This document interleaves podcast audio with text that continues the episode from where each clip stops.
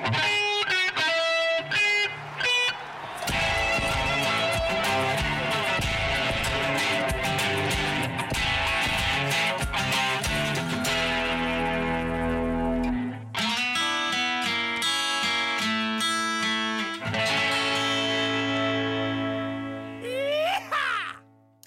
Hey, what's up? Mijn naam is Pascal Teunissen en je luistert naar de tweede aflevering van de podcast Echt Amerikaans. Met steeds nieuwe gasten die iets hebben met het land, bespreek ik wat het nou is dat de VS zo bijzonder maakt.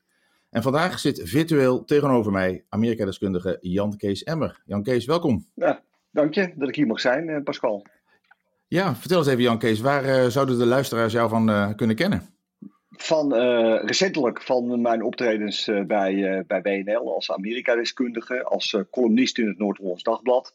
Ehm, van mijn optredens bij het Mediaforum op Radio 1 en op BNR tegenwoordig. Ehm, dan vaak in de rol van Amerika-deskundige of als, als, als mediadeskundige. Ja, hoe word je Amerika-deskundige? Nou, dat word je eigenlijk uh, vanzelf door er te gaan wonen. Uh, in 2006 uh, eh, ben ik door mijn toenmalige werkgever, de Telegraaf, gevraagd om correspondent te worden in de Verenigde Staten. Ehm, standplaats New York. En um, ja, dan ga je daar wonen met je gezin. En dan word je gegrepen door het land. En dan word je vanzelf, in die zin, dan blijf je het ten alle tijden volgen de basis, de, ba de basis is gelegd in, tussen 2006 en 2010. Maar daarna uh, heeft dat me nooit meer losgelaten. Ja, die eerste keer dat je die uh, vraag kreeg of uh, de kans kreeg om te gaan, was er twijfel? Geen, wat, dacht je, wat, dacht je, wat dacht je toen je aan Amerika dacht op dat moment? Ik dacht, uh, dit is uh, vanuit journalistieke uh, oogpunt en dus vanuit werk, werkopzicht de grootste kans die ik in mijn leven kan krijgen. Uiteraard moest het ook nog wel met mijn gezin besproken worden. Ik had een vrouw en twee kleine kinderen. Nou, de kleine kinderen gingen vanzelf mee, maar mijn vrouw moest natuurlijk ook wel mee willen.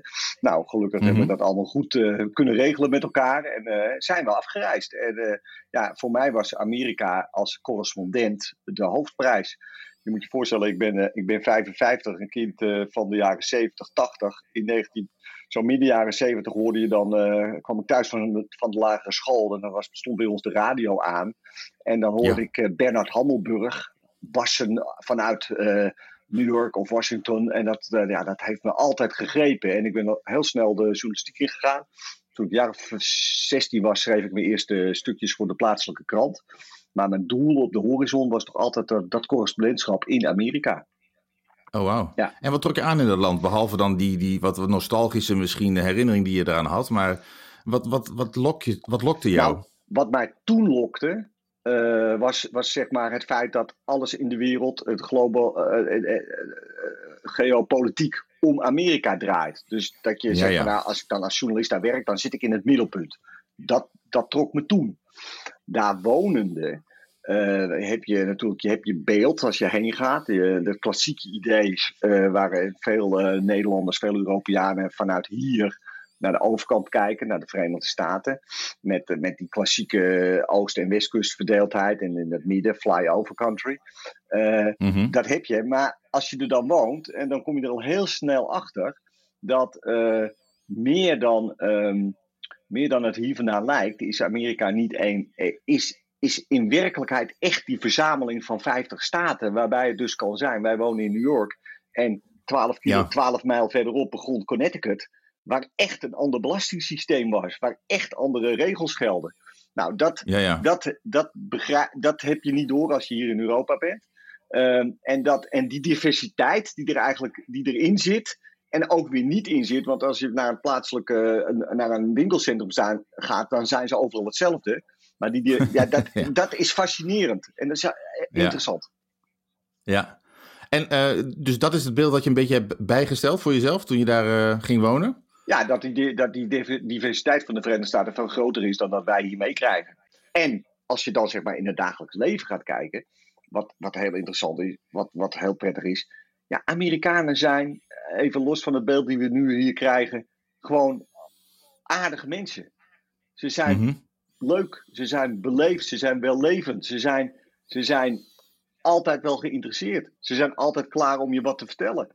Dus dat, dat vond ik ook eigenlijk wel heel uh, uh, interessant en boeiend en uh, ja, een eye-opener. Het, het feit dat het glas altijd half vol is voor de meeste Amerikanen, is, ja, dat is inspirerend. Ja, en je hebt daar hoe lang gewoond? ruim vier jaar. Ruim vier jaar. En toen ben je teruggegaan en toen heb je die, ja, die liefde, mag ik dat zeggen, voor dat land heb je behouden. En uh, ben je teruggegaan in, die, uh, in de tussentijd? Ben je een paar keer terug geweest? Ik neem aan dat je vrienden ja, we, leert kennen daar. Vrienden, we hebben vrienden daar hebben, hebben natuurlijk we hebben achtergelaten. En nou ja, daar komen we met regelmaat. nou, ik zelf kwam eens per jaar wel in de Verenigde Staten. En met mijn gezin gingen we eens in de twee, drie jaar terug toch nog weer voor een kleine roadtrip. Omdat we, ja, we zijn gewoon verliefd op het land. Het reist makkelijk. Het is gewoon fijn om daar te zijn. Dus ja, wij, kwamen, wij komen met regelmaat kom ik daar terug. De laatste keer dat ik daar was is eigenlijk een jaar geleden. Dus gisteren een jaar geleden dat, dat ik thuis kwam. Wow, ja, was, het, uh, was, ik, uh, was ik bij de New Hampshire Primaries met een, uh, met een vriend van me. En hebben wij een week lang alle kandidaten van destijds bezocht. Ja, want dat ben je dan ook blijven volgen. Amerika als politiek land, toch? Ja, nee, zeker. En dat maak je dan een deskundige nu? En dat maak je dan nu een deskundige. Gewoon omdat je natuurlijk uh, ja, uh, vanuit de duiding van de bagage die je mee hebt. En dat gewoon blijft volgen, uh, maak je dat dan. Ja, laat ik het wel een beetje relativeren. Maak je dat kennelijk deskundige. Want kijk, kennelijk zijn er tegenwoordig uh, heel veel Amerika-deskundigen. Eh, en uh, proberen. Ik wou het niet zeggen, nee, Jan nee, Kees, maar, maar inderdaad. En ik vraag je ook niet om hun af te vallen, helemaal niet. Maar ik ook niet af, maar het valt mij op dat er heel veel zijn. En er zijn er heel, heel veel hele goede, maar het zijn er steeds meer. En het, is bijna dat je denkt van, goh, nou ja, het, het, zal wel. Kijk, als ik gevraagd word om mijn mening, en als deskundige of mijn duiding vanuit mijn achtergrond. Kijk, ik heb ook Europese studies gestudeerd, dus ik snap wel wat van het geopolitieke spel ja, dan geef ik mijn mening. En als uh, anderen gevraagd worden om die mening, ook prima. Dan uh, heb ik andere dingen te doen. Ja, en wat uh, valt je op dit moment op? Wat moeten Nederlanders nu weten van hoe het met Amerika voorstaat? Wat, wat vertel je ze? Nou, ik vertel over de diepe, diepe, diepe verdeeldheid. Ik vertel over het feit. nou, laat, ik, laat, ik, laat ik beginnen bij een jaar geleden. een jaar geleden was ik bij een rally van Donald Trump. Dat was mijn eerste keer dat ik mhm. bij een rally van Donald Trump was in Manchester, New Hampshire. Voor de herverkiezing? Voor de herverkiezing. Ja, hij, hij, eigenlijk was er alleen maar een uh, democratische uh, primary. Maar hij kwam eigenlijk op de avond uh, voor die primary even de zaak verpesten. Tussen aanhalingstekens. ook even wat aandacht te halen. Door ook een, door ook een, ook een, een, een, rally te geven. In een grote sporthal. enorme stadion, overdekt stadion in Manchester. En ehm, dat heeft mijn, ehm, laat ik zo zeggen, daar, wat ik daar heb meegemaakt en wat ik daar heeft, uh, heb uh, gezien en gevoeld, is bepalend geweest voor hoe ik de afgelopen jaar over Amerika ben gaan praten, gaan spreken. Waar ik eerder echt zeg maar met afstand sprak over de politiek en over republikeinen en democraten. En daarin probeerde ook minder partijen of geen partij te kiezen ben ik uh, naar aanleiding van die rally en wat ik daar meegemaakt heb, dat is zo, zeg maar, donker, uh, zwart uh, beeld wat daar geschapen werd en de wijze waarop uh, Trump toen al bezig was met het creëren van een narrative van het onrecht. Toen al werd er gezegd, nou, als we verliezen, komt het omdat het gestolen is. Ja, ja, de zaadjes werden al geplant. De zaadjes werden al geplant. De mensen die daar kwamen, waren toch ook allemaal, daar kon je ook op zich aardige gesprekken mee hebben in dit stadion. Hè? We zijn er een paar uur geweest en we hebben met mensen allemaal gesproken, allemaal open en uh, allemaal bereid om met je te spreken. En ook niet, uh, maar dan, maar dan de, de, de, de wijze waarop ze zich lieten uh, opjutten, ja, die deed denken aan de slechtste tijden van de vorige eeuw, zeg maar. En ehm, ja, ja. het zijn vergelijkingen die ik niet makkelijk maak. Maar toen dacht ik wel, ja, hier moet je toch. Uh, kijk, laat ik zo zeggen, als je hier niet tegen uitspreekt, sta je misschien wel aan de verkeerde kant van, sta je aan de verkeerde kant van de geschiedenis. Dus toen ben ik echt veel duidelijker gaan zeggen van nou, sorry, ik heb, niet, ik heb, niet zo, ik heb niets tegen de Republikeinen. Het conservatisme, dat is, een, dat is echt een manier om naar de wereld te kijken waarvan je zegt, nou, daar herken ik wel dingen in die, die je zou kunnen onderschrijven over. En, maar, maar dit, dit heeft niets meer met de Republikeinen zoals dat uh, onder Reagan was uh, te maken. Ja, ja is het, misschien komen we er later op. Dit is eigenlijk de, de verkwanseling van de partij van Abraham eh, Lincoln. En dat was een uh, tegenvaller voor je, of een tegenvaller is misschien niet het goede woord, maar je schrok daarvan? Ik schrok daar wel van, ja.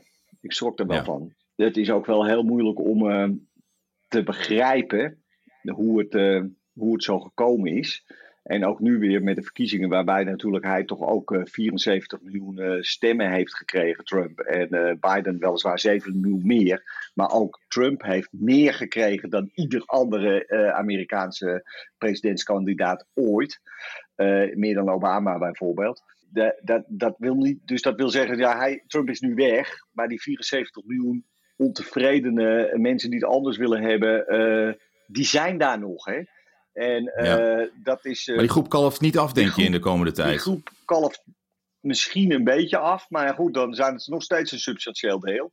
Ja, en dat, uh, dat is heel uh, zorgwekkend en betreurenswaardig, omdat Amerika natuurlijk altijd gebouwd werd vanuit de Amerikaanse droom, dat iedereen alles kon waarmaken. Zit hier nu een stuk negativiteit en boosheid in, vooral van, van witte mannen. Van, van, onze van, van mijn leeftijd moet ik dan zeggen, Pascal. Ik zal jou er niet bij betrekken. Mag best hoor, ik ben ook 50 geworden net. Dus, nou, nou, inderdaad, dat hoor je ook tot die groep. Ja, en die voelen zich dan toch uh, kennelijk heel erg bedreigd in hun positie. En, en het is niet zeker dat hun kinderen het beter krijgen dan zij en zo. En daar zie je dus toch heel veel animositeit ontstaan naar elkaar toe. En heel diep ingegraven. Voor jouw toekomstbeeld, wat is jouw voorspelling dan? Zie je dat somber in voor Amerika? Nee, Nee, nee, want kijk, ah. ja, kijk nee, maar we praten, je praat, we, dit, dit, is een podcast met mensen die, uh, die Amerika uh, in hun hart gesloten heeft. Dus we gaan door een donkere periode en de geschiedenis zal daarover oordelen. Maar, maar nogmaals, als je uh, voor Amerikanen, en je ziet het eigenlijk nu alweer, hè. Kijk, het is heel spannend geweest de afgelopen drie maanden. Ja. Toen Trump verloren, heb ik ook op tv gezegd van nou, het onvoorstelbare wordt voorstelbaar. Ik weet niet wat er gaat gebeuren, want ik heb geen glazen bol, maar het onvoorstelbare wordt voorstelbaar. Nou, dat hebben we uh, gezien. Want het, wat, wat we 6 januari hebben meegemaakt was onvoorstelbaar uh, in, de, in, in, de Amerikaanse uh, context. Maar uiteindelijk, piepend en krakend, heeft het systeem zichzelf naar de uit, eindstreep gebracht. Hebben een vrede, vredige transfer van macht gehad. Zit er een andere president met nieuwe kansen. die misschien, die, waarvan we hopen, nou misschien lukt het hem om hier en daar wat van die polarisatie af te knappelen en meer samen te doen.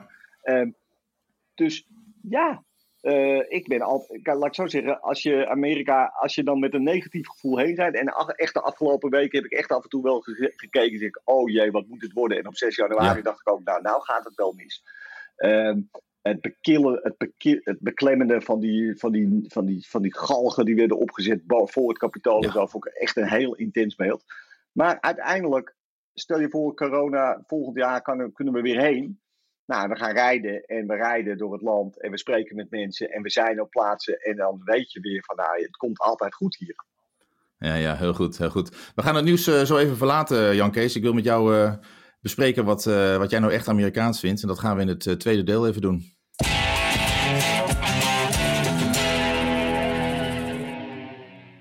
Ik heb jou gevraagd, Jan Kees, om na te denken over wat jij nou echt Amerikaans vindt. Waar, waar ben je mee gekomen? Ja, misschien iets heel triviaals, maar uh, uh, echt Amerikaans, dat denk ik toch. wij, wel, wij woonden, ik, ik, had het voorrecht om in een huis van de, van de, van de krant te wonen, eigendom van de krant, een bedrijfswoning, maar wel een bedrijfswoning in een hele goede buurt, zeg maar. Scarsdale, New York, 20 minuten met de trein boven Manhattan. Ehm, ja, en daar woon ik met mijn gezin. En daar hebben wij maar als je dan denkt, van, van wat mis je nou? Dan mis, je toch, uh, dan mis ik toch wel heel vaak die, uh, het feit dat we zondagochtend, net, net als heel veel Amerikanen, naar de diner reden om een uur of half tien. En ja. ons aanmelden en om daar heerlijk buiten de deur te gaan ontbijten. Op een manier die, uh, nou ja, die in Nederland, nou, ik, inmiddels veel gewoner is hoor, maar tien jaar geleden ondenkbaar was. Ja, ja, de diner inderdaad. De diner. Ontbijt in de diner. Hoe, hoe heet die van jou? Uh, City Limits. City uh, Limits, heel goed. City Limits in White Plains. Nou, ik, af en toe kijk ik nog wel eens op de website of het menu, of het menu nog in orde is. en als ik in de buurt ben, ga ik ook zeker ja, ja. heen. Was het zo'n glimmende met neon? En, uh... Nee, nee, nee. Het was eigenlijk een hele. het was geen zo'n klassieke als mensen voor. Het was echt een groot restaurant. Een familierestaurant. Oh ja. En, maar het, was, het, het concept was een diner. De crab cheese egg benedict. nou, als je daar, kun je me s'nachts van wakker maken. Heel goed. Nou, dat, dat is wat ik mis. Wat ik ook mis is, en dat zul, zal jij misschien herkennen Pascal, is het licht. Het licht van aan die oostkust, de, de blue skies, de, het, het heldere licht, is zoveel fijner dan het grauwe wat we hier vaak hebben. Ja, dat klopt. we hebben hier wel mooie uh, wolken. Hè? Tenminste, wolken in de zin van als je van dramatiek houdt, dan zou je misschien een Nederlandse wolk, weet je, de, de, de meesters zoals ze die op het doek vastlegden. Dat was al met de binnenschoot toen ik in Nederland kwam. Ik dacht, oh ja, deze lucht. ja, dat zie oh ja, daar is het samen onbekend. Maar in, in, in Amerika is het warmer, vriendelijker. Uh, het is lekkerder wakker worden, zou ik maar zeggen, met dat licht. Dat, dat, is helemaal waar. Het is een soort bad of zo. Waar je, dat heb je hier niet.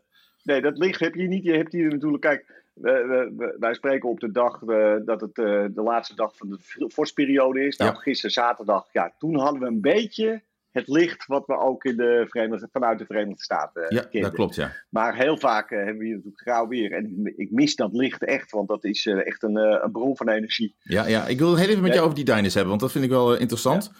Um, voor de mensen die het niet kennen, dat lijkt me sterk. De meesten kennen het wel van de tv, want het is een heel bekend beeld ook. Hè? Ook, ook in de popular culture, zou ik maar zeggen.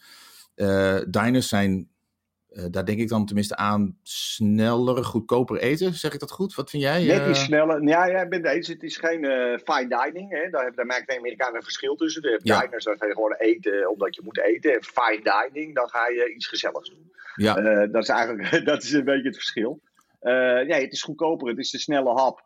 Maar het staat net wel weer boven de fastfood restaurants. Hè. Ja, ja. Het zit er eigenlijk tussenin. Want je hoeft het ook niet, het eten wordt aan je, aan je, aan je tafel gebracht. Je hoeft het niet op te halen zoals bij, uh, bij McDonald's of Kentucky Fried of uh, enig ander van die bekende merken.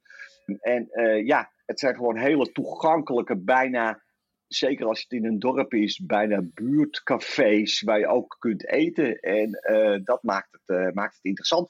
Ik, ik vind ook, als, ik, als ik op reportage was, dan ging ik altijd lunchen in een diner. Gewoon ja, ja. puur daar in de buurt, omdat je dan zag van nou, daar komt die of die, je hebt een praatje, je hoort dingen. Ik ben wel in, uh, in Iowa geweest, uh, ergens onder de, de Moin, voor de, voor de daar, dat je gewoon nog koffie voor een kwartje kon kopen. Ja, ja, inderdaad. Zo'n bekertje. ja, zeker. meestal. Of dat ze gewoon door blijven schenken, dat is ook altijd. Ja, uh, dat, dat, dat, dat, staat vast. Voor dat kwartje krijg je dan ook nog een refill. Dat is, dat is eigenlijk. Nou ja, dus het is simpel, uh, eenvoudig, maar vaak heel goed uh, voedsel. Ja. Uh, ja, het hangt een beetje van de kok af, maar vaak is het wel heel uh, authentiek, authentiek, vind ik. Ja, en het is ook wel dat iedereen daar komt. Hè? Ik bedoel, het is niet specifiek voor een bepaalde doelgroep of zo. Want ik weet nog wel dat. Uh, we hebben dus ook wel eens meegelopen met. in verkiezingstijd. En er was wel eens een kandidaat. En dan was het altijd van. Oh, we moeten naar een diner toe. We moeten daar de mensen spreken. En die, die, die politieke kandidaten. die verschenen altijd in diners. En die moesten altijd daar handjes schudden en zo. Ja, het is een beetje. Ja, het, is, het gaat, gaat, gaat van van boven naar onder door de Amerikaanse samenleving heen. Iedereen komt daar om te, om te eten. Nogmaals, niet om fine dining, om gezellig te doen. Als je een zakenlunch hebt, spreek je waarschijnlijk ergens anders af. Maar omdat je nou eenmaal een broodje moet eten, kom je er wel. En dat betekent ook dat het inderdaad een soort sociale functie uh, heeft. Waarbij inderdaad die kandidaten uh, uh, daar ook zich moeten melden. Omdat ze daar die doorsnee van de, de samenleving. En waarbij ook zeg maar, het, zeg maar de, de, de, de waterput van het dorp is. Dus iedereen komt daar samen. De, nou, ik bedoel de dorpspomp. iedereen komt er samen. Dus als hij of zij daar gezien wordt, ja, dan uh, spreekt zich dat voort. Hè? Is er iets wat je in Nederland daarmee zou kunnen vergelijken? Een beetje de sfeer, de, de functie. Uh, want ik, ik ben het met je eens hoor. Ik vond de diner ook altijd een, uh, een perfecte plek om, om te landen. Zeker als je onderweg was, zocht hij altijd een diner of een family restaurant op. Het liefst geen, geen chain inderdaad. Is er iets wat er in Nederland daarmee vergelijken is? Moeilijk hè? Want dat is niet echt iets heel veel misschien open? Eet, misschien eetcafés. Ja, ja. Misschien, en nogmaals, en je ziet nu wel in de grote steden, uh, natuurlijk uh, zeker uh, voor corona, toen we nog werden overlopen door heel veel toeristen, zie je toch ook wel diner-achtige structuren ontstaan. Met ontbijtcafés enzovoort enzovoort. Maar het, is, het, heeft niet, het heeft niet die functie die het, uh, die het in de Verenigde Staten, zeker op de wat uh, niet-stedelijke gebieden ja, heeft. Nee, inderdaad, dat denk ik ook. En jij ging er altijd met je familie heen. Dat was een van, de, van je highlights. Ja, ja, nou, ja, altijd lijkt dan wel weer dat we het zo. Nee, maar we gingen met, nou, een paar keer per maand. Werd er wel op, op zondag dan. was, dat was het begin van het, het uitje, zeg maar. En dan wakker worden en dan hoefden we zelf geen ontbijt hadden. We hadden toen op dat moment, onze kinderen waren klein, waren tien en, tien en zes. Dus uh, nou, mee naar de diner. Zij hadden daar eten wat ze, wat ze prima vonden. En wij hadden daar eten wat we prima vonden. En nou, dat was een prachtig begin van de dag. Ja. ja. ik heb voor mijn vorige podcast, voor mensen die het nog willen naluisteren, verhalen vanuit DC. Ook een meneer gesproken, dat was een Nederlander, die heeft in de kant van de Washington heeft hij, een diner reeks opgezet. Keten, hè? Ja. Een keten, sorry, ja. En, ja. Maar je merkt ook wel duidelijk dat hij toch ook wel een beetje van de nostalgie meepikt. Want aan die diners hangt toch ook wel iets van nostalgie, vind je niet? Of zeg ik dat verkeerd? In de zin ja, van... Misschien is het alleen, maar de, alleen de bouwstijl hoor. Misschien is dat het een beetje ja, jaren 50. Kijk, nou, dat, dat ben ik met je eens. Je ziet natuurlijk een aantal van de jaren 50 diners die we ook kennen uit, uh, uit, uit films, zeg maar. Met, die, met, met die metalen buitenkant, soort Precies. omgebouwde caravan.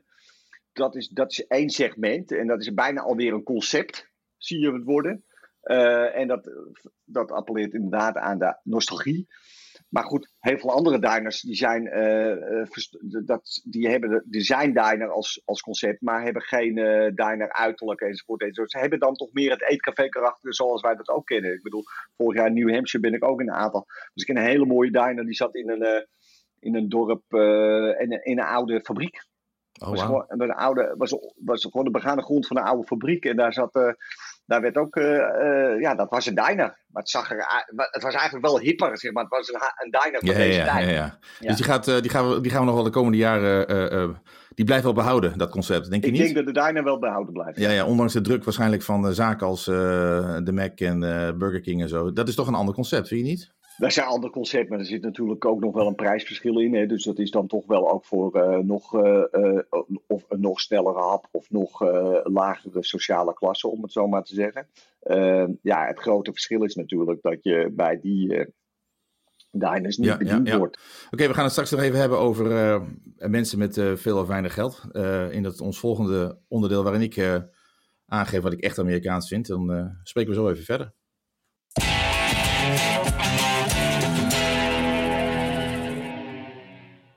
Jan Kees, echt Amerikaans. Ik heb er even over nagedacht wat mijn uh, onderwerp zou zijn. Uh, ik weet dat jij veel gereisd hebt in uh, de VS voor je werk en ook gewoon privé volgens mij. Ik heb hier en daar ook wel eens een reis gemaakt in de VS. En wat mij opviel daar was dat je onderweg heel vaak van die donation jars vond in tankstations en in winkeltjes. Dat zijn ja, potten waar je geld in kan doen als bezoeker, als als klant. En dat zijn potten die aan de ene kant gewoon vragen voor ja, algemene goede doelen zoals wij die ook kennen. Bijvoorbeeld kinderen met kanker of nou, zeg maar iets MS-bestrijding. Maar wat je ook heel veel ziet, en misschien is dat nu minder geworden met het internet inzamelen, maar is dat er veel ingezameld werd voor personen. Bijvoorbeeld iemand die de begrafenis van zijn kind niet kon betalen. Of iemand die bijvoorbeeld uh, geld inzamelen voor een brandweerman die omgekomen was en dat zijn familie uh, daar geld voor nodig had. De, wat persoonlijkere donation jar. Ik noem dat omdat ik uh, dat, toen ik dat zo vaak zag, altijd dacht: dat is heel vriendelijk, heel, dat geeft blijk van gemeenschapszin, hè, dat mensen voor, zich voor elkaar inzetten. Maar tegelijkertijd vond ik dat ook een beetje, ja, ik schrok er een beetje van dat mensen dat op die manier moesten financieren. Het lijkt zo alsof ze zo één grote uitgave hè, en, en ze vallen om. Begrijp je wat ik wil zeggen? Ja, nee, de kwetsbaarheid. Dus dat ze daar dat geld voor nodig hebben. Ja, de kwetsbaarheid, dat is goed, ja. Heel veel, hoe, hoe, eh, heb jij dat ervaren? Nou, ja, je, je het, is het is heel mooi hoe je dit aansnijdt. Want kijk, inderdaad, je hebt enerzijds dus die kwetsbaarheid en die enorme kans om van... Uh, uh, die, die, dynamiek, die, dynamiek in de samenleving die twee kanten op, uh, op, op, op gaat. Want je kan van een dubbeltje heel makkelijk een dollar worden, een kwartje en meer. Maar je kan van die dollar ook heel weer makkelijk een dubbeltje worden en in de goot belanden. Dus dat is de ene kant van de zaak. Uh, andere maar, maar, maar het feit, die gemeenschapszin, wat jij nu noemt, alsof het nu gaat om, om dit soort nou ja, hele, hele uh, lokale dingen die heel erg uh, voor, de, voor de eigen straat als het ware bijna zijn. Ja. Tot aan uh, mensen die grote donaties doen voor musea, voor ziekenhuizen. ja, dat, dat, dat, dat kijk, daar kijken wij. In Nederland kennen we dat concept natuurlijk vele malen minder, omdat er gewoon hier veel meer structuren zijn die, die goed voor mensen zorgen en dat het vanuit het collectief gebeurt. Mensen die niet van Amerika houden, die komen eigenlijk altijd op met dit punt, uh, Pascal. Die mhm. zeggen allemaal van ja, moet je nou toch eens kijken, die mensen die hebben het arm en is geen vangnet, enzovoort, enzovoort, enzovoort. Uh, ja, dat, dat is een, uh, dat, als je er zo naar kijkt, dan, dan lijkt dat zo. Aan de andere kant zie je dus dat er automatisch structuren zijn ontstaan, zoals die donation jars, die dan toch weer zorgen dat de mensen uit die, uit die meest grote miserie wordt, worden opgetrokken. Dus en ik, ik, ik persoonlijk vind ik het dus wel mooi. Ja. Maar uh, wij hebben vooraf even contact gehad. Jij gaf ook wel aan dat uh, de armoede in Amerika, en dit is misschien niet helemaal de. Uh, is, je hebt zichtbare armoede, zou ik maar zeggen, mensen die onder de brug slapen. En dit was, wat, ik noemde die donation jar omdat het meer een soort van. zeker als je, ik heb nooit armoede gekend, dus als je dat dan zo tegenkomt, denk je van, oh, deze mensen hebben het wel zwaar, want als er iets gebeurt, dan, dan vallen ze om. Ja, hè? Ja, uh, jij gaf ook wel aan dat armoede wel een veel groter probleem volgens mij in Amerika is dan in Nederland. Nee, natuurlijk niet. Maar kijk, kijk, Nederland, nee, kijk, wij in Nederland, en zeker als je een tijdje in het uh, buitenland hebt gewoond, zoals jij ook hebt gedaan, uh, Pascal, dan weet je gewoon dat dit is een soort kleine delta aan, de, aan, de, aan, de, aan het einde van, van een grote rivier die hoogst welvarend is hoogst welvarend. Jongen, jongen, wat hebben wij het goed. En uh, dat, dat is, het is makkelijker om dat van buiten naar binnen te zien dan dat je in die uh, werelden leeft. Dus ik snap ook wel dat er over gemopperd wordt. Hier en daar, omdat het altijd beter kan. Maar we hebben niet zoveel te klagen. Zeker niet als je kijkt naar landen als, nou ja, als de Verenigde Staten. Ook een welvarend land vanuit de buitenkant. Maar aan de binnenkant juist minder. Maar ook andere delen van de wereld. En wat mij opviel is met name, kijk, we hebben, we hebben die, die, die, die twee kusten met vaak uh, enorme rijkdom. Uh, van, van, van, nou, kijk rondom Manhattan, kijk om, waar, waar, waar, waar, waar ik gewoond heb, dat Scarsdale, ja, dat, dat was puissant rijk. En dan heb je inderdaad andere plekken, uh, uh, daar niet eens, als je, ga 50, 50 mijl rijden en je komt op plekken waar het gewoon veel uh, ruraler is, vaak agrarisch ingegeven, heel, heel, heel arm is. En dat verschil is enorm. En dat verschil is ook wel iets wat je alleen ziet op het moment dat je er echt gaat reizen en echt bent. En niet van de ene toeristische spot naar de andere reist, want dan zie je het echt niet. Want het is mhm. allemaal voorkeurig geregeld. En als jij je rondje maakt door uh, langs de westkust, langs alle parken, dan heb je er ook niet zoveel erg in. Misschien in een indianenreservaat, maar dat is het dan. Nee, maar de armoede in, in staten als Arkansas, Missouri, Missouri, Louisiana in het Middenwesten is enorm ik heb, voordat ik naar Amerika ging, heb ik ook gereisd als, uh, ja, als verslaggever door, uh, door, door Europa. Ben ik ook uh, met name rondom de Kosovo-oorlog veel in Oost-Europa oh, geweest. Albanië ben ik toen geweest. Nou, ik ben. Ik, ik, ik, wij reisden door Arkansas omdat wij toevallig. ja, ik heb een tik dat als er een presidentiële library in de buurt is, dat ik die wil zien. Nou, in, in, Bill Clinton. in Arkansas is die van, uh, van, van, in Little Rock, Arkansas is die van Bill Clinton. Maar tijdens die mhm. reis kwamen wij door, uh, door, door dorpen en steden. Dat, dat, dat had van dezelfde armoede en van dezelfde desolaatheid als dat ik uh, in Oost-Europa had gezien. Dat, dat, tartte mijn, zelfs mijn uh, beeld van Amerika oké, het, is, het is erg en het kan erger. Nou, en daar is het erger. En de grap is dan, vind ik dan meteen weer grappig, of grappig, maar goed, het opmerkelijk is dan, dat uh, die mensen die daar zo verschrikkelijk arm zijn, allemaal Republikein stemmen. Ja. Ook al, dat is ongelooflijk. Maar dat is toch niet houdbaar, Jan Kees, of wel? Zo, als je zo uh, zulke verlo verlopen dorpen. Wat, wat, wat gaat daarmee gebeuren? Nou ja, die lopen leeg. Dat is een deel van het probleem natuurlijk. Die worden steeds leger. Er staat vaak uh, een Walmart uh, naast. En die trekt die hele Main Street, die hele winkelstraat, trekt die leeg. Want ja, alles in de Walmart is goedkoper.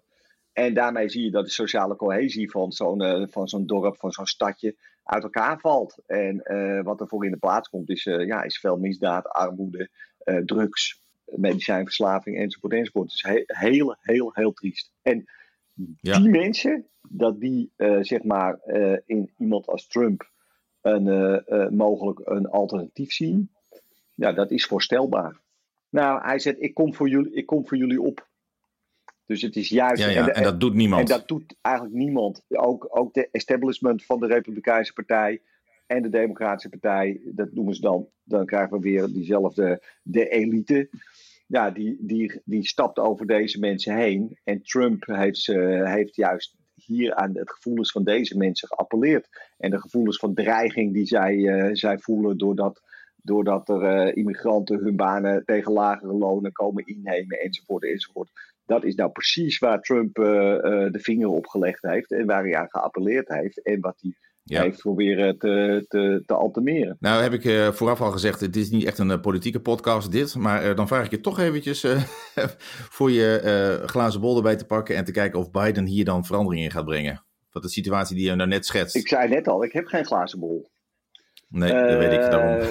als iemand, laat ik zo zeggen, uh, en het is geen politieke podcast, maar laat ik dan ook nog weer anekdotisch uh, vertellen. Vorig jaar was ik ook bij een rally van Biden. En dan zie je maar hoe het kan verkeren. Want toen dacht ik, uh, gaf ik geen stuiver voor zijn kansen. Toen zag ik een, een oh. bejaarde man die, die, die, die onsamenhangend aan het, een toespraak hield voor een klein groepje mensen. Ook wel ergens in New Hampshire, aan een kustplaatsje. Nou, ik, ik, zei tegen mijn vriend met wie ik was, ik zei, nou, dit wordt niks met hem. Nou, the rest is history. dus de, so far voor de deskundigen die je hier hebt zitten, Pascal. Uh, maar ja. nou, je bent in ieder geval eerlijk. Nee, nee, nee maar goed, dat is zoals het is. En uh, ik denk dat hij misschien het verschil kan maken doordat hij met zijn 78 jaar niets te verliezen heeft. Uh, deze man is aan het, heeft zijn einde van zijn carrière bereikt hiermee. nou, hoe oud we worden weet hij niet, maar weten we niet. En laten we hopen dat hij nog lang leeft. Maar er is voor hem niks meer te halen bij die Democratische Partij. Dus als iemand onafhankelijk kan uh, opereren en als iemand zeg maar kan proberen om die partijen, het, het, het, dat midden in Amerika, dat grote midden, toch uh, bij elkaar te trekken, dan zou het Biden zomaar kunnen zijn. En uh, nou ja, dan gaan we, gaan we zien. Maar let wel, ja. it takes two to tango. Hè? Dus dat betekent ook dat vanuit de Republikeinse hoek ook richting dat midden moet worden bewogen. Nou, daar zien we nou ja, we zijn nu een maand onderweg, nog niet heel veel van. En dat is heel jammer. Maar nogmaals, uh, Biden, ja, hij heeft in ieder geval, laat ik zo zeggen, hij, hij, hij zoekt het midden op. En dat, is, dat alleen al is bemoedigend. Ja, heel goed. Oké, Jan Kees, uh, de laatste vraag. Uh, we mogen nog niet uh, naar Amerika, maar als we wel weer mogen, ga je ongetwijfeld. Wat is het eerste wat je gaat doen? Wat, wat, wat wil je als eerste zien? Ja, dat is een goede vraag. In, in die zin, ja, ik, ik, toevallig zei ik tegen de, de, die vriend met wie ik in New Hampshire was, ik zeg, ik zou heel graag een roadtrip willen maken door Georgia. Uh, want ik wil oh, heel graag. Georgia? Ja, natuurlijk, want daar heeft het natuurlijk uh, in december en zo. En, en ook uh, daar heeft het echt, echt een paar verkiezingen omgespannen. Daar is, die, die zijn, ja, dus komen, komen we toch weer in politiek. Maar goed, dat is nou eenmaal wat me erg bezighoudt. Dus ik zou heel graag van Atlanta, maar toch ook naar het platteland van Georgia gaan. Om te voelen en te proeven van ja hoe, en, nou, en dus naar een diner te gaan, diners te gaan. Uh, om te ontbijten, te lunchen en te dineren. Om er zoveel mogelijk te kunnen bezoeken. Om, om, om, de, om de temperatuur te meten van ja, hoe kijken mensen dan nu tegen de situatie aan. En hoe voelen zij zich uh, of benadeeld of buitengesloten. Of juist uh, zijn ze hoopvol. Ik weet het niet. En dat zou ik heel graag willen onderzoeken. Heel goed. Georgia on your ja, mind. ja, zal Georgia on my mind. Zo is het. Heel goed. Dankjewel Jan Kees.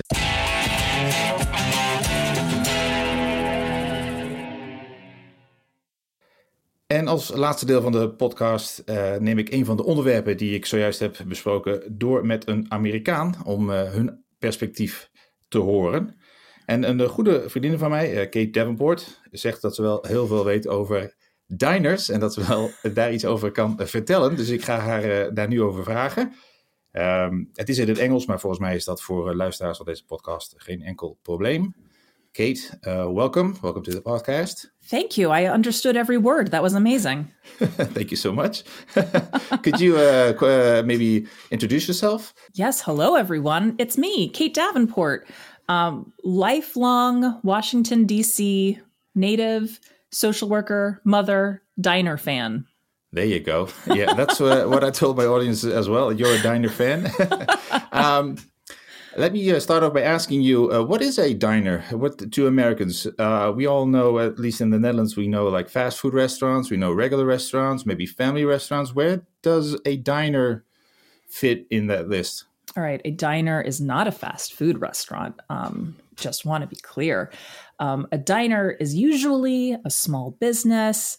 Um, it's the place where when you enter, you enter and there's a cash register to one side of the door.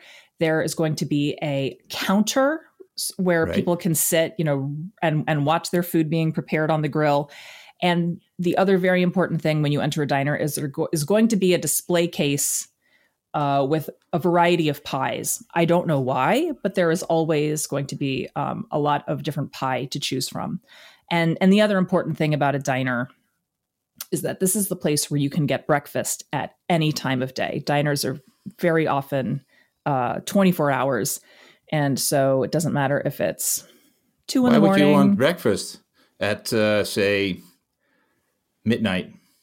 That's a ridiculous question. Um, because breakfast foods are the most delicious foods because they just always have the grill going. And so right. you can just get your eggs over easy, your hash browns, your um, grilled steak. Um, I think it's I think the watchword is comfort food, and I I th- you know I think a big part of the diner culture with it being open 24 hours is that a lot of people who do shift work know there's a place where they can get uh, affordable food that is you know delicious they know what to expect um, at any time any time of right. day if they're a trucker or what have you what is comfort food food that makes you feel good, but is this not healthy or am I just... Yes, no, I, comfort food cannot be healthy. Um, comfort okay. food is the is just the food that is usually it's greasy or it's rich or it's um but it's not it's not complicated. I think it's like the idea sort of like it's the thing that your mom could throw together in 10 minutes. Right. And it's like, oh, you're back at home. This is something, you know, someone that you loved made for you. Like another big thing is macaroni and cheese is um a staple oh, of comfort it. food. Yeah, yeah, yeah. Yeah, sorry. Mm-hmm. Mm-hmm. and so who who goes to a, a, a diner? Is that like for everyone? Is the uh, all only people that have a like a small budget or No, I mean I'm going to sound so trait. I feel like it's one of those like great American equalizers. You know, everyone loves to yeah. go to the diner. So yeah, you have every everyone goes to the diner. Um, I think it's very often used as a tool. Um, one time, my husband and I, I won't go into this whole story, but we um, had like one of these. We got to meet Tom Perez, the Secretary of Labor, and do an interview with him back during the Obama administration. As you do. As you do because like I said, we're lifetime DC people. People, but just to say, the whole thing was held at a famous diner in DC. Now, don't ask me the name; I can't remember the name of it. But I think that's very common. Like when you see a politician in America right. sitting down with everyday American folks, it's going to be held in a in a diner. Um, to just sort of be like, this is where we all come together. Um, we all we have our differences, but we all love a diner. Yeah, yeah. But would it also be a a good place to I don't know have a professional lunch with coworkers, or not? Maybe not with coworkers, but with uh, people that you I don't know you want to do a business deal with. Would that be considered a, or is it more family oriented? I'd say it's more family oriented. I don't think it's the kind of place where if you want to close the big multi-million right. deal, you don't you don't take anyone there to impress them. Um, but if you want to make a client feel like their family, totally take them to a diner. Right, right. Yeah. And so what's the appeal? I, I didn't even think about how American it was until I, you know, started talking with you yesterday about it. But you know, like very often they'll have a jukebox. Sometimes they'll even have a jukebox at each um, table that can that can you select what 1950s song you want to um, you want to hear for the whole um, place to hear. Right. But I, I think also that's a little bit part of why they're dying off is because they are very much a product of the early mid 20th century and just like anything else you know people yeah. start you know just the world evolves and um, we're yeah, not stuck true. in the 50s yeah it, it's a good thing you mentioned that because with my guest uh, i talked about diners and i asked him if he thought that maybe there's a like a nostalgic thing to diners as well mm-hmm. do you go there to feel nostalgic or is it just a no i i yeah i definitely think nostalgia is part of it. Um, I definitely, when I think of diners, I think of my father and, you know, him taking me there because it's a place that he went to when he was right. a child. So, you know, just sort of that um, connection. I, will also say, um, you know, we had this wonderful au pair, Vanessa. Oh, sorry, Vanessa. Um, and for her birthday, we were like, "What do you want to do? What have you not gotten to do yet in America?" And she said, "I want to go to a diner." There so, you go. Yeah, that we took her to the the Silver Diner, which is a little bit a little bit more uh, commercial now, um, but still, it's it's got all the all the things we talked about the the pies and, and the uh, display and case, and yeah. The Silver Diner is uh, the product of two people, one of which is a Dutchman. Oh, I didn't know that. So yeah, he's the chef who's on the. Uh, if you get the menu, he, he's on there. Mm-hmm. Uh, he's holding the uh, whatever kitchen utensil it is that he's holding, but uh, probably a spatula. Yeah, yeah, something. So, but he's Dutch. I I interviewed that's him for so my funny. previous. Uh, yeah, that's. Uh, um, so, is there a difference uh, if, say, I were to visit the west coast or the east coast of the U.S.? Would there be a difference in the, the sort of diners that I would see and the food that I would get there? I think overall, no. I mean, I, you know, the now you know the west coast we kind of make fun of for being a little more health healthy. So like if you went to the west coast maybe you'd get i don't know turkey sausage or turkey burgers instead of you know what you're supposed to get. You're supposed to get 100% all american beef right? Um, but in, in general no. I mean i think it's going to be your meatloaf and your burgers and your fries and your your coffee um, though we did get in a fight last night um, when we were talking about diners, my friend Wendy and I, because she was like, "Oh yeah, and the pie, like the chocolate meringue pie," and I was like, "That's not a thing." Uh, and it turns out it is a thing. So clearly, you'll find variations on a theme, but the pie, the pie you will find everywhere. But maybe what kind of pie is gonna change. What's what's the issue with the uh, chocolate meringue pie? Oh, just my husband and Wendy's husband and I just were all convinced that chocolate meringue was not a thing. You just don't combine chocolate with meringue. Um, but apparently in the South you do because I guess there are no rules. So, right. Just, yeah. oh, she's from the South. So, uh, yes. for our listeners. Yes, she's yeah. from Tennessee. So clearly, yes, down South. Um, I guess you can put those things together. So, who knew? Yeah, is there any uh, suggestion you would, uh, or any tip you would give our uh, listeners if you go into a, a, diner and you haven't been there before? Is there something you should order? You should oh, try? Yes. Okay. You have to. It doesn't matter what time of day it is. Um, you have to order a milkshake, a malted milkshake, if you can. Um, there's no judgment. That's one of the things you're supposed to get when you're at a um, a Wait, diner. Did you say melted chocolate milkshake? Oh, a malted milkshake. What's malted? And malted oh yeah, it's it's just a flavoring. Um, yeah, yeah, yeah. Th- yeah, a malted milkshake, and um, and if it's a if it's an authentic diner, they're going to bring you your milkshake in a glass, right, with a straw and the whipped cream and like the cherry. But in addition to that, they're also going to bring you oh sorry. They're going to bring you the metal container they made the milkshake in with the remnants of the milkshake because it it they always make more than what will fit in your glass and so then you have that to pour into your glass when you're done. And then yeah, you're full uh, no no no no no no no no. And and then and then you you need to go I, th- I think part of the experience is you need to go at two in the morning um, and you need to have breakfast at yeah, in the middle of the in the middle but of who's the there at two in the morning? Would you be the only one? No, um, I, there are a lot of people who, you know, you'll go to a diner after you go see a sports game. So maybe that's oh. not two in the morning, but you go to a diner after a sports game. A big tradition in um, this area, at least, is after a like a high school dance. The kids who can drive anyway will then go hang out at the the diner in the middle of the night um, since it's one of those places that places that's open all night, um, you'll see just a lot of college kids hanging out there in the middle of the night. That was one of my husband's favorite places to hang out when he was in college was Plato's Diner, and and then also yeah, like people like we said, people who are who've just finished a shift of work right. um, and are about to go to sleep for 12 hours, but first they need a meal. So this is the best way to do it. Gotcha. Yeah. Uh, let me uh, uh, close this with uh, it's maybe a, it's a difficult question, but do you know? Would you try to guess why this is such an American thing? Why why did this come up in the United States, and why did it maybe not come up here?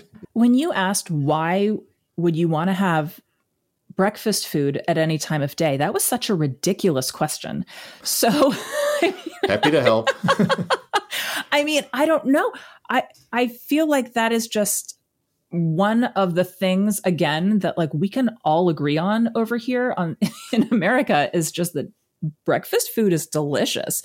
And so I don't know if in Europe you guys just are very precious about when you're allowed to eat waffles and if you know if if milkshakes aren't as much a part of your culture then yeah you please know, comes by. If you have breakfast after 12 it's uh, afternoon it's uh yeah see? Yeah clearly you guys are uh, much more um much more formal about what you can eat when. So yeah i i don't have the the answer to that. I just know you know it's just one of those things that people have decided to be um to be proud of and to to think fondly on. So it's it's right. stuck around. I hope it I hope it continues to stick around.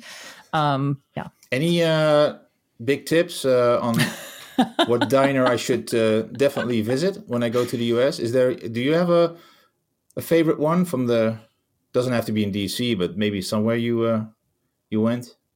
Yeah, no, my favorite diner is Plato's Diner in College Park, Maryland and um, it has all of the things we've we've already talked about with you know the pies and the the sticky tables. I mean, they, they sponge them down, but I mean, just by the end of your meal, they'll be sticky. Let's put it that way. so yes, it's, it's good. Yeah. That's right. And the you know, and the and and also, um, and it's it's got everything we talked about. It's it's the diner where my husband used to hang out as a college student at three in the morning. Um, it, it's got the families and it's got you know what we didn't talk about is diners is the place where like the old older gentlemen will hang out like where like the old group of guys gets together. So you, there will always be a table at any time of day that has like four 75 year old men sitting together and talking about who knows what. Um, but you'll always see that there as well. So that's that's my favorite um, that's my favorite diner. Plato's. if they have a website, I'll put in a link. Uh, oh, that would be description. That would be lovely. But yeah, we'll but again, um, I, I, don't know why it's my favorite. I think it's just because it's the one I've gone the most to. So again, it's that nostalgia. It's like you know, Font if I memories. go there, they're like, "Hey, Kate," and you know, yeah, sit down and have a burger. That's right. Okay, thanks so much for your. Uh, insights on uh, American diners. My expertise. Enjoy. You're so welcome. Yes, you, thank you. your expertise. Thank you. I uh, will do the closing in Dutch as well. So I'm sorry about that. Um, iedereen enorm uh, bedankt voor het luisteren. En uh, als je na deze aflevering nog een opmerking hebt, misschien ken je een geweldige diner zelf. Of heb je misschien nog een verhaal over armoede in de VS, waar ik met Jan Kees over sprak. Of we zaten ergens helemaal mis. Mail me dan even naar podcastechtAmerikaans.gmail.com. Of vind mij op Twitter op podcast Echt Amerikaans. Dat is één woord. Dank nog aan eh, Marco Raaphorst voor de audiobewerking en Jeroen Venema voor de muziek. Graag tot een volgende aflevering. Keep listening. Dag.